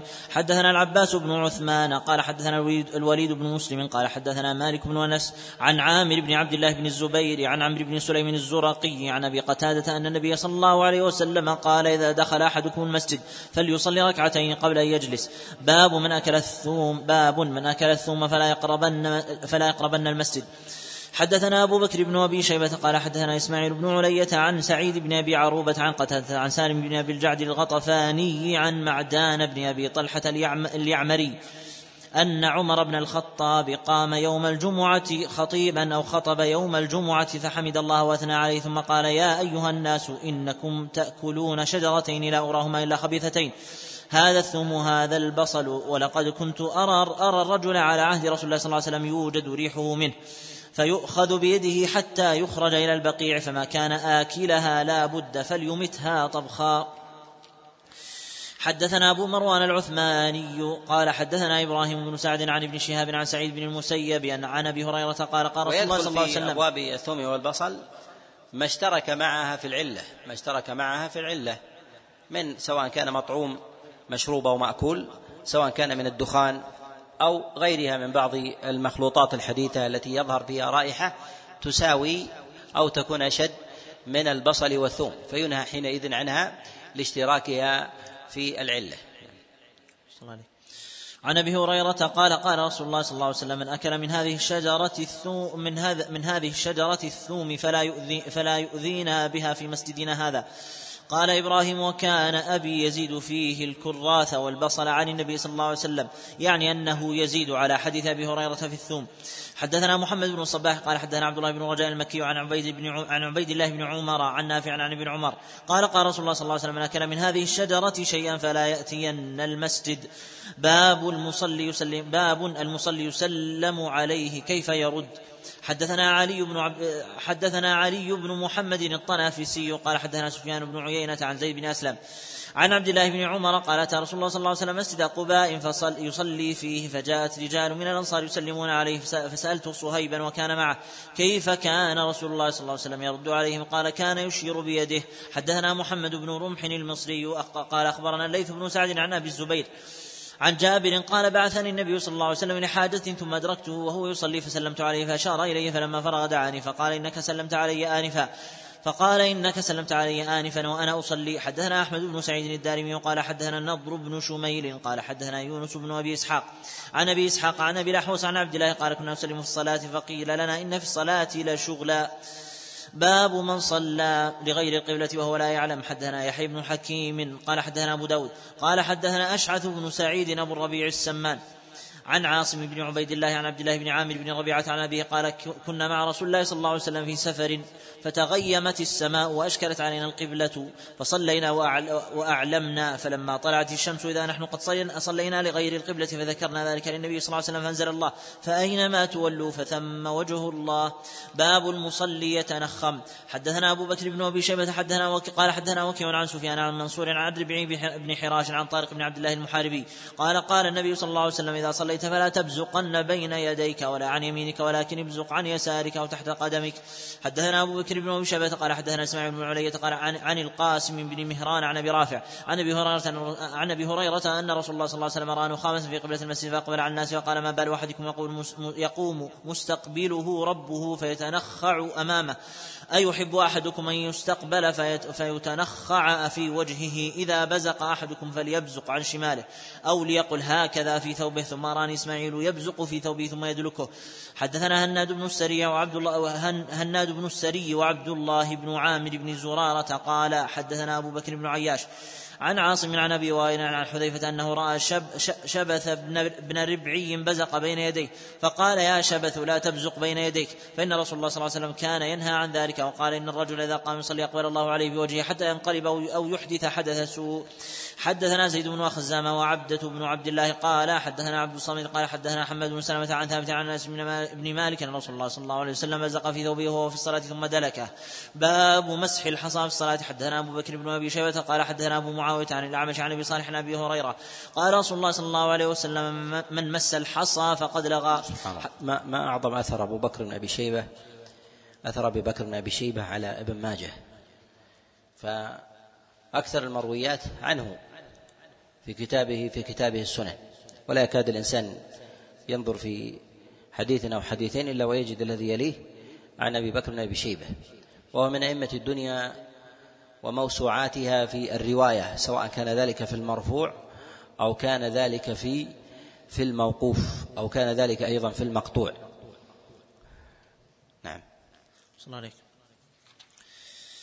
وينبغي لطالب العلم أن يديم النظر في مصنف ابن أبي شيبة. وهذا الكتاب مع زهد كثير من المنتسبين إلى العلم فضلا عن الطلاب أن هذا الكتاب أثر على قصورهم في معرفتهم بمراتب الخلاف ومواضع إجماع الأئمة في الصدر الأول سواء كان من التابعين أو ما سبقهم من الصحابة. وكذلك أيضا معرفة أولئك السالفين في التعامل مع الأدلة في معرفة النسخ والتقييد تقييد ما أطلق وتخصيص العمومات وغير ذلك ويلتفتون إلى جملة من القواعد الفقهية يقيدون بها الأدلة. والأثر عن الصحابة والسلف في هذا ظاهر وهو كاف لطالب العلم وهو أوسع كتاب بين أيدينا جمع آثار الأحكام.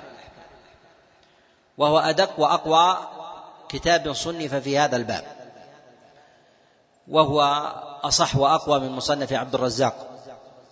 وأعلى ممن جاء بعده من مصنفات ابن المنذر وابن عبد البر والبيهقي وغيرها لعلو إسناده وتقدم طبقته.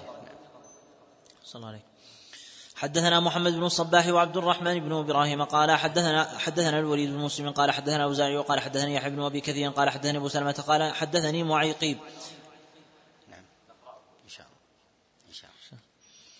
قال حدثني معيقيب قال قال رسول الله صلى الله عليه وسلم في مسح الحصى في الصلاة إن كنت فاعلا فمرة واحدة. حدثنا هشام بن عمار ومحمد بن الصباح قال حدثنا سفيان بن عيينة عن الزهري عن أبي الأحوص الليثي عن أبي ذر قال قال رسول الله صلى الله عليه وسلم إذا قام أحدكم إلى الصلاة فإن الرحمة تواجهه فلا يمسح الحصى. باب الصلاة باب الصلاة على الخمرة. حدثنا أبو بكر بن أبي شيبة قال حدثنا عباد بن العوام. عن الشيباني عن عبد الله بن شداد قال حدثتني ميمونة زوج, زوج النبي صلى الله عليه وسلم. قالت كان رسول الله صلى الله عليه وسلم يصلي على الخمرة. حدثنا أبو كريب قال حدثنا أبو معاوية عن الأعمش عن أبي سفيان عن جابر عن أبي سعيد. قال صلى رسول الله صلى الله عليه وسلم على حصير. حدثنا حرملة بن يحيى قال حدثنا عبد الله بن وهب قال حدثني زبعة بن صالح عن عمرو بن دينار. عن عمرو بن دينار قال صلى ابن عباس وهو بالبصرة على بساطه ثم حدث أصحابه أن رسول الله صلى الله عليه وسلم كان يصلي على بساطه وحكى ابن حزم الأندلسي إجماع الصحابة عليهم رضوان الله تعالى على الصلاة على حائل في الأرض سواء كان حصير أو كان شيئا من جنس الأرض أو من غير جنسها. أن الصلاة والسجود صحيح. صلى الله عليه باب السجود على الثياب في الحر والبرد. حدثنا أبو بكر بن أبي شيبة قال حدثنا عبد العزيز بن محمد الدراوردي قال عن إسماعيل بن أبي حبيبة عن عبد الله بن عبد الرحمن قال جاءنا النبي صلى الله عليه وسلم فصلى بنا في مسجد بني عبد الأشهل فرايته واضعا يديه على ثوبه إذا سجد حدثنا جعفر بن مسافر قال حدثنا إسماعيل بن أبي أويس قال أخبرني إبراهيم بن إسماعيل الأشهلي وعن عبد الرحمن بن عبد الرحمن بن ثابت بن الصامت عن أبيه عن جده عن أن رسول الله صلى الله عليه وسلم صلى في بني عبد الأشهل وعليه كساء متلفف به يضع يديه عليه يقيه برد الحصى. حدثنا إسحاق بن إبراهيم بن حبيب قال حدثني بشر بن المفضل عن غالب القطان عن بكر بن عبد الله عن أنس بن مالك قال كنا نصلي مع النبي صلى الله عليه وسلم في شده, في شدة الحر.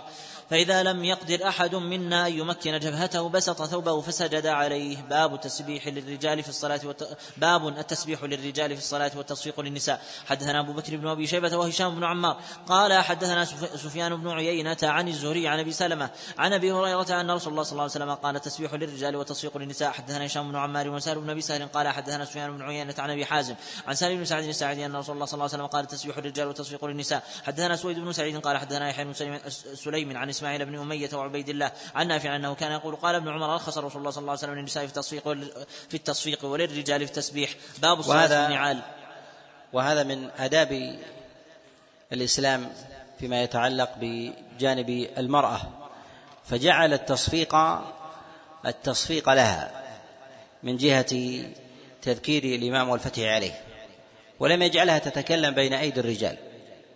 فكيف أن تنصب على المنابر في وسائل الإعلام تتحدث وهي في موضع صلاة جعل النبي عليه الصلاة والسلام ذلك ذلك ليس لها وإنما هو للرجال من جهة الكلام. وذلك أنها في مشهد جماعات وحديثها في ذلك. ولو كان بكلمة يسيرة أن هذا خلاف الأولى. ولو كان المترجح أن صوت المرأة ليس بعورة إلا أنه ربما يجر إلى إلى ما بعد ذلك. وهذا إذا كان في الصلاة والرجال منشغلون في عبادة والنساء كذلك جعل الله سبحانه وتعالى الأمر على ذلك بأمر نبيه عليه الصلاة والسلام أن التصفيق للنساء والتسبيح والتسبيح للرجال. ذلك إشارة إلى المرأة أنها لا تتساهل بإبراز نفسها أمام الرجال. والأحاديث بفضول القول قدر وسعها وسعها وإمكانها فإن المرأة إذا تساهلت في مثل هذا الأمر التساهل يجر بعضه يجر بعضه بعضا حتى يقع الإنسان في شيء من الخضوع أو ربما من فضول من فضول القول. صلى الله عليه باب الصلاة في النعال. حدثنا أبو بكر بن أبي شيبة قال حدثنا غندر غندر عن شعبة عن النعمان بن سالم عن ابن أبي أوس قال كان جدي أوس أحيانا يصلي فيشير إلي وهو في الصلاة فأعطيه عليه. ويقول رأيت رسول الله صلى الله عليه وسلم يصلي فينا عليه. حدثنا بشر بن هلال الصواف قال حدثنا يزيد بن زريع عن حسين المعلم عن عمرو بن شعيب عن أبيه عن جدي قال رأيت رسول الله صلى الله عليه وسلم يصلي حافيا ومنتعلا أو منتعلا. حدثنا علي بن محمد قال حدثنا يحيى بن آدم قال حدثنا زهير عن أبي إسحاق عن علقمة عن عبد الله قال قد رأينا رسول الله صلى الله عليه وسلم يصلي في النعلين والخفين. باب كف الشعر والثوب في الصلاة. حدثنا بشر بن معاذ الضريع قال حدثنا أحمد بن زيد وأبو عوانة عن عمرو بن عن عمرو بن دينار عن طاووس عن ابن عباس. قال قال النبي صلى الله عليه وسلم أمرت أمرت ألا أكف ألا أكف شعرا ولا ثوبا. حدثنا محمد بن عبد الله بن نمير قال حدثنا عبد الله بن إدريس عن الأعمش عن أبي وائل عن عبد الله قال قال أمرنا أن لا نكف شعرا ولا ثوبا ولا نتوضأ من موطئ. حدثنا بكر بن خلف قال حدثنا خالد بن الحارث عن شعبة حاء وحدثنا محمد بن بشار قال حدثنا محمد بن جعفر قال حدثنا شعبة وقال أخبرني مخول قال سمعت أبا سعد رجل رجلا من أهل المدينة يقول رأيت أبا رافع مولى رسول الله صلى الله عليه وسلم رأى الحسن, الحسن بن علي وهو يصلي وقد عقص شعره فأطلقه ونهى عنه وقال نهى رسول الله صلى الله عليه وسلم يصلي الرجل وهو عاقص شعره. باب الخشوع في الصلاة. حدثنا عثمان بن أبي شيبة قال حدثنا طلحة بن يحيى عن يونس عن الزهري عن سالم عن ابن عمر قال قال رسول الله صلى الله عليه وسلم لا ترفعوا أبصاركم إلى السماء أن, تلت أن تلتمع. يعني في الصلاة. حدثنا نصر بن علي الجهضمي وحدثنا قال حدثنا عبد الأعلى قال حدثنا سعيد عن قتادة عن أنس بن مالك قال صلى رسول الله صلى الله عليه وسلم يوم باصحابه فلما قضى الصلاة أقبل على القوم بوجهه فقال ما بال قوم يرفعون أبصارهم إلى السماء حتى شد قوله في ذلك لينتهين عن ذلك أو ليخطفن الله أبصارهم. لينتهن عن ذلك أو ليخطفن الله أبصارهم. حدثنا محمد بن بشار قال حدثنا عبد الرحمن قال حدثنا سفيان عن الأعمش عن المسيب بن رافع عن تميم بن طرفة عن جابر بن سمرة النبي صلى الله عليه وسلم قال لينتهين أقوام يرفعون أبصارهم إلى السماء أو لا ترجع أبصارهم. حدثنا حميد بن مسعدة أو أبو بكر بن خلاد قال حدثنا نوح بن قيس قال حدثنا عمرو بن مالك عن أبي الجوزاء عن أبي الجوزاء عن ابن عباس قالت عن ابن عباس قال كانت امرأة تصلي خلف النبي صلى الله عليه وسلم حسناء من أحسن الناس. فكان بعض القوم يستقدم في الصف الأول لئلا يراها ويستأخر بعضهم حتى يكون في الصف المؤخر. فإذا ركع قال هكذا ينظر من تحت إبطه فأنزل الله ولقد علمنا المستقدمين منكم ولقد علمنا المستأخرين في شأنها. وهذا لا يصح. قد لعله البزار وغيره. صلى عليك باب الصلاة في الثوب الواحد. حدثنا أبو بكر بن أبي شيبة وهشام بن عمار قال حدثنا سفيان بن عيينة عن الزهري عن سعيد بن المسيب عن أبي هريرة قال أتى رجل النبي صلى الله عليه وسلم قال رسول الله أحدنا يصلي في الثوب الواحد؟ فقال النبي صلى الله عليه وسلم أو لكلكم يجد ثوبين أو كلكم يجد ثوبين. حدثنا أبو كريب قال حدثنا عمر بن عبيد عن الأعمش عن أبي سفيان عن جابر قال حدثني أبو, أبو سعيد الخدري. أنه دخل على النبي صلى الله عليه وسلم ويصلي في ثوب واحد متوشحا به. حدثنا أبو بكر بن أبي شيبة قال حدثنا وكيع عن هشام بن عروة عن أبيه عن عمر بن أبي سلمة قال رأيت النبي صلى الله عليه وسلم يصلي في ثوب واحد متوشحا به واضعا طرفه على عاتقه حدثنا أبو إسحاق الشافعي وإبراهيم بن محمد بن, عب بن العباس قال حدثنا محمد بن حنظلة عن محمد عن قال حدثنا محمد بن حنظلة بن محمد بن عباد المخزومي عن معروف بن مشكان عن عبد الرحمن بن كيسان عن أبيه قال رأيت رسول الله صلى الله عليه وسلم يصلي, في يصلي بالبئر العليا في ثوب. حدثنا أبو بكر بن أبي شيبة قال حدثنا محمد بن بشر قال حدثنا عمرو بن كثير قال حدثنا ابن كيسان عن أبيه قال رأيت النبي صلى الله عليه وسلم يصلي الظهر والعصر في ثوب واحد متلببا به. باب سجود القرآن. حدثنا أبو بكر بن أبي شيبة قال حدثنا أبو معاوية عن أعمش عن أبي صالح عن أبي هريرة قال قال رسول الله صلى الله عليه وسلم إذا قرأ ابن آدم السجدة فسجد اعتزل الشيطان يبكي يقول يا ويله أمر ابن آدم بالسجود فسجد فله الجنة. وأمرت بالسجود فأبيت فلي النار. حدثنا أبو بكر بن خلاد. ويتفق الصدر الأول على أن سجود التلاوة مستحب وليس بواجب وهو سنة. يقول ابن عبد البر رحمه الله هو سنة. ويتفق الصحابة عليهم رضوان الله تعالى على هذا يعني أنه ليس ليس بواجب. كذلك أيضا إذا قلنا بأنه سنة كذلك أيضا التكبير. التكبير له سواء كان ذلك في في الخفض أو في الرفع. فهو سنة ليس ليس بواجب. وقد نقل غير واحد من العلماء كذلك أيضا الإجماع على سنية التكبير وعدم وجوبه. نقله الشوكاني رحمه الله إلى أن الصحابة عليهم رضوان الله تعالى يقولون بالسنية وعدم الوجوب. وهذا لازم القول بسنية السجود أصلا. أنه يلزم من ذلك أن يقال بسنية سنية التكبير. كذلك أيضا من باب أولى أن التكبير إذا قلنا تكبير الانتقال في الصلاة كلها المفتتحة بالتكبير والمختتمة أيضا بالتسليم أن التكبير فيها سنة إلا ما تقدم في أمر الجماعة ويستثنى من ذلك تكبيرة الإحرام. فإذا كان هذا في الصلاة فإنه في سجود التلاوة من باب من باب أولى.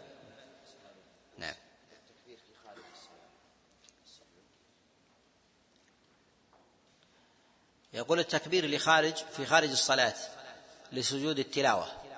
نقول الإنسان إذا كان يقتدى به يعني يتلو القرآن وهناك من يستمع معه فيسن ويستحب له التكبير حتى يقتدى به. وإذا سجد للتلاوة وهو في الصلاة يتأكد من باب أولى. يكون من جملة تكبيرات الخفض والرفع. وأما إذا كان منفردا فلا يجب عليه قولا واحدا. وهل يشرع له يسن؟ نقول نعم. يسن. ولكن هذه ليست بصلاة. ليست ليست بصلاة. فلو كبر لعموم التكبير في الخفض كل خفض ورفع فهو حسن وهو الأولى. حدثنا أبو بكر بن خلاد الباهلي قال حدثنا محمد بن يزيد بن خنيس قال عن الحسن بن محمد بن عبيد الله بن أبي, بن أبي يزيد. قال قال لي ابن جريج يا حسن أخبرني جدك عبيد الله بن أبي يزيد عن ابن عباس. قال كنت عند النبي صلى الله عليه وسلم فأتاه رجل فقال إني رأيت البارحة فيما يرى النائم كأني أصلي إلى أصل شجرة. فقرأت السجدة فسجدت فسجدت الشجرة لسجودي فسمعتها تقول اللهم احطط عني بها وزرا واكتب لي بها أجرا واجعلها لي عندك ذخرا. قال ابن عباس فرأيت النبي صلى الله عليه وسلم قرأ السجدة فسجد فسمعته يقول في سجوده مثل الذي أخبره الرجل عن قول الشجرة. حدثنا علي بن عمرو الأنصاري قال حدثنا يحيى بن سعيد الأموي عن ابن جريج.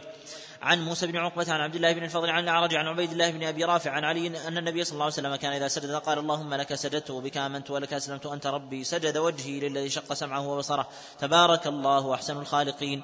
باب عدد سجود القرآن. حدثنا حرملة بن يحيى المصري قال حدثنا عبد الله بن وهب قال أخبرني عمرو بن الحارث عن, عن ابن أبي هلال. عن عمر الدمشقي عن عمر الدمشقي عن أم الدرداء قالت حدثني أبو الدرداء إنه سجد مع النبي صلى الله عليه وسلم إحدى عشرة سجدة منهن النجم. حدثنا محمد بن يحيى قال حدثنا سليمان بن عبد الرحمن الدمشقي قال حدثنا عثمان بن فائد قال حدثنا عاصم بن رجاء بن حيوة عن المهدي بن عبد الرحمن بن عيينة بن خاطر. قال حدثتني عمتي أم الدرداء عن أبي الدرداء قال سجدت مع النبي صلى الله عليه وسلم إحدى عشرة سجدة ليس فيها من المفصل شيء الأعراف والرعد والنحل وبني إسرائيل ومريم والحج وسجدة الفرقان وسليمان سورة وسليمان سورة النمل والسجدة وفي صاد وسجدة الحواميم.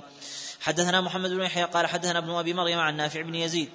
قال حدثنا الحارث بن سعيد العتقي عن عن عبد الله بن عن عبد الله بن منين من بني عبد كلال. عن عمرو بن العاص أن رسول الله صلى الله عليه وسلم أقرأه أن رسول الله صلى الله عليه وسلم أقرأه خمس عشرة سجدة في القرآن منهن منها ثلاث في المفصل. وفي الحج سجدتين. حدثنا أبو بكر بن أبي شبة قال حدثنا سفيان بن عيينة عن أيوب بن موسى عن عطاء بن ميناء عن أبي هريرة قال سجدنا مع رسول الله صلى الله عليه وسلم إذا السماء انشقت واقرأ باسم ربك. حدثنا أبو بكر بن أبي شبة قال حدثنا سفيان بن عيينة عن يحيى بن سعيد عن أبي بكر بن محمد بن عمرو بن حزم عن عمر بن عبد العزيز عن أبي بكر بن عبد الرحمن بن حارث بن هشام عن أبي هريرة أن النبي صلى الله عليه وسلم سجد في, سجد في إذا السماء انشقت. قال أبو بكر بن أبو بكر بن أبي شيبة هذا الحديث من حديث يحيى بن سعيد. ما سمعت أحدا يذكره غيره. قال رحمه الله تعالى باب إتمام الصلاة. حدثنا أبو بكر بن أبي شيبة قال حدثنا عبد الله بن نمير عن عبيد الله بن عمر عن سعيد بن أبي زي عن عن سعيد بن أبي سعيد عن أبي هريرة أن رجلا دخل المسجد فصلى ورسول الله صلى الله عليه وسلم في ناحية المسجد.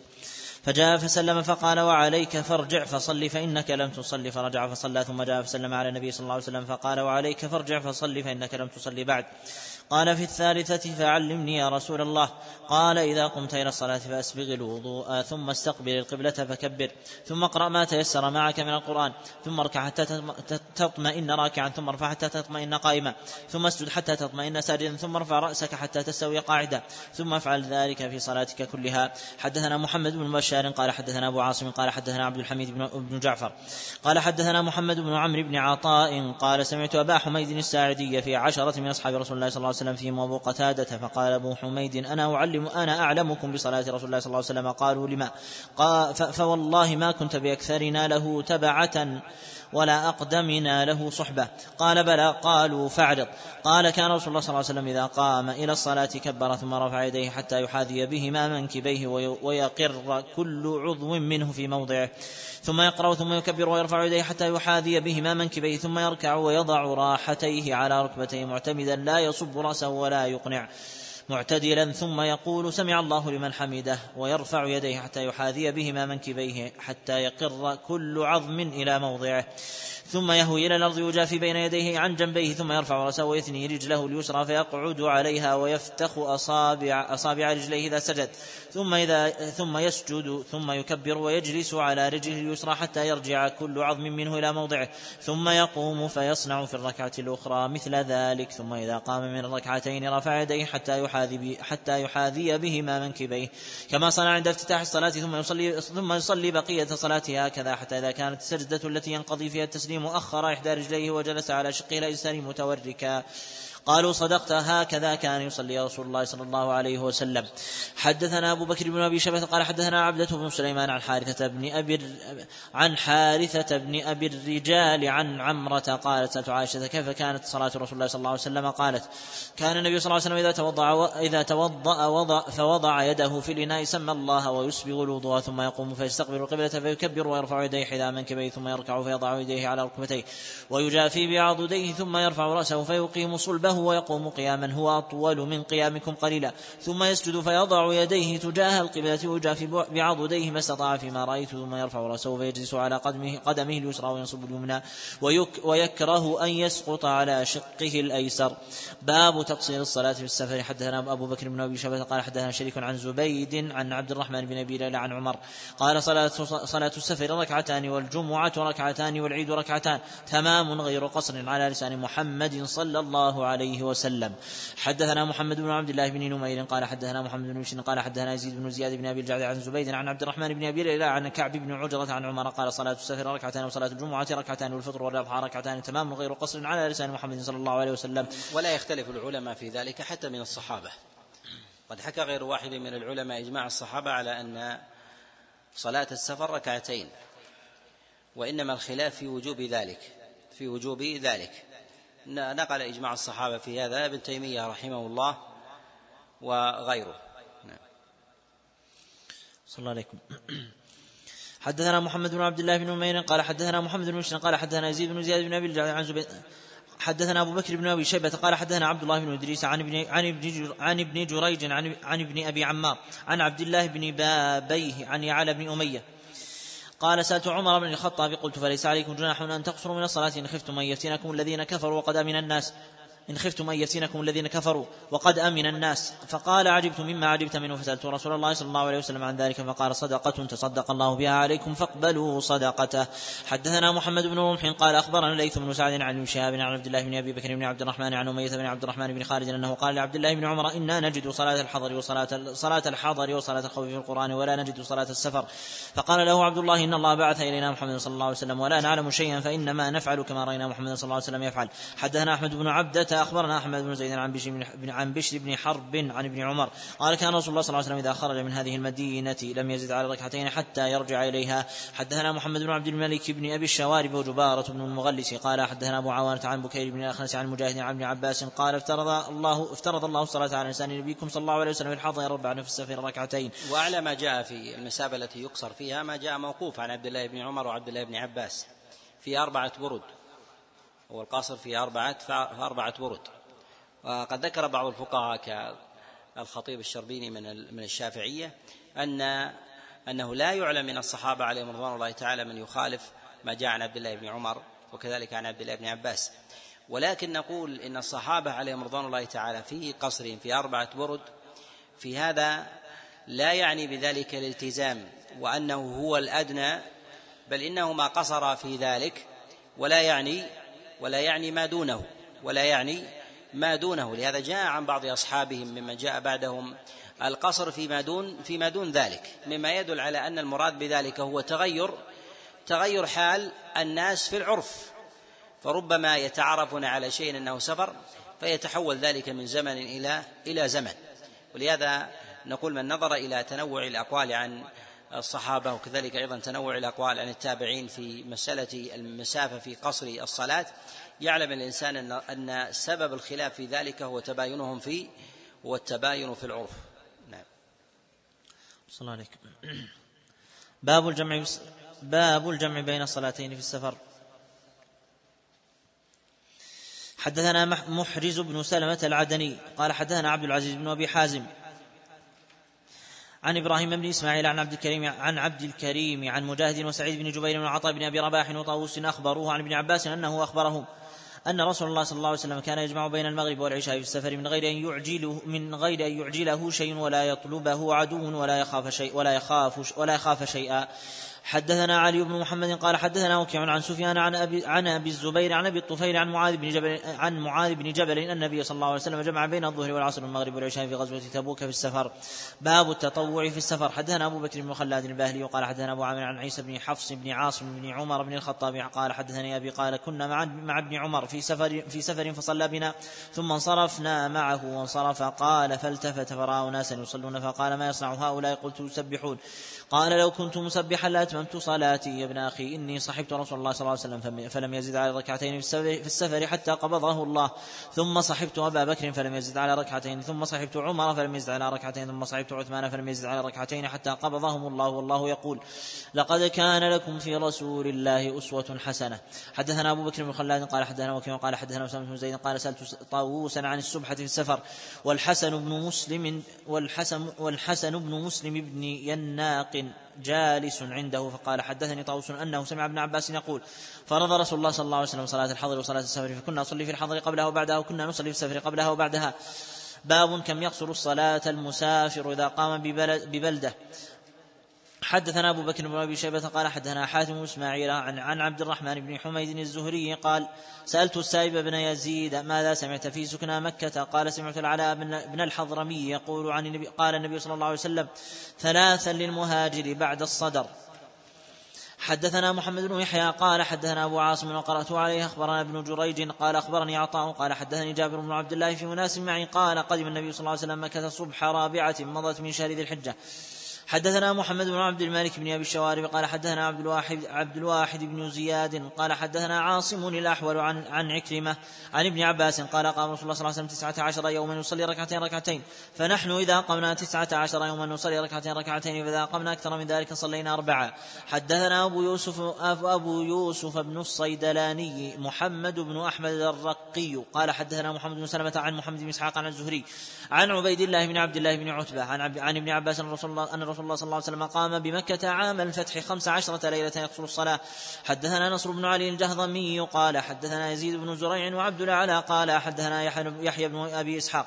عن أنس قال خرجنا مع رسول الله صلى الله عليه وسلم من المدينة إلى مكة نصلي ركعتين ركعتين ركعتين حتى رجعنا. قلت كما قام بمكة قال عشرة. نتوقف لمن أراد الوضوء. دقائق ونكمل بعد الصلاة إن شاء الله.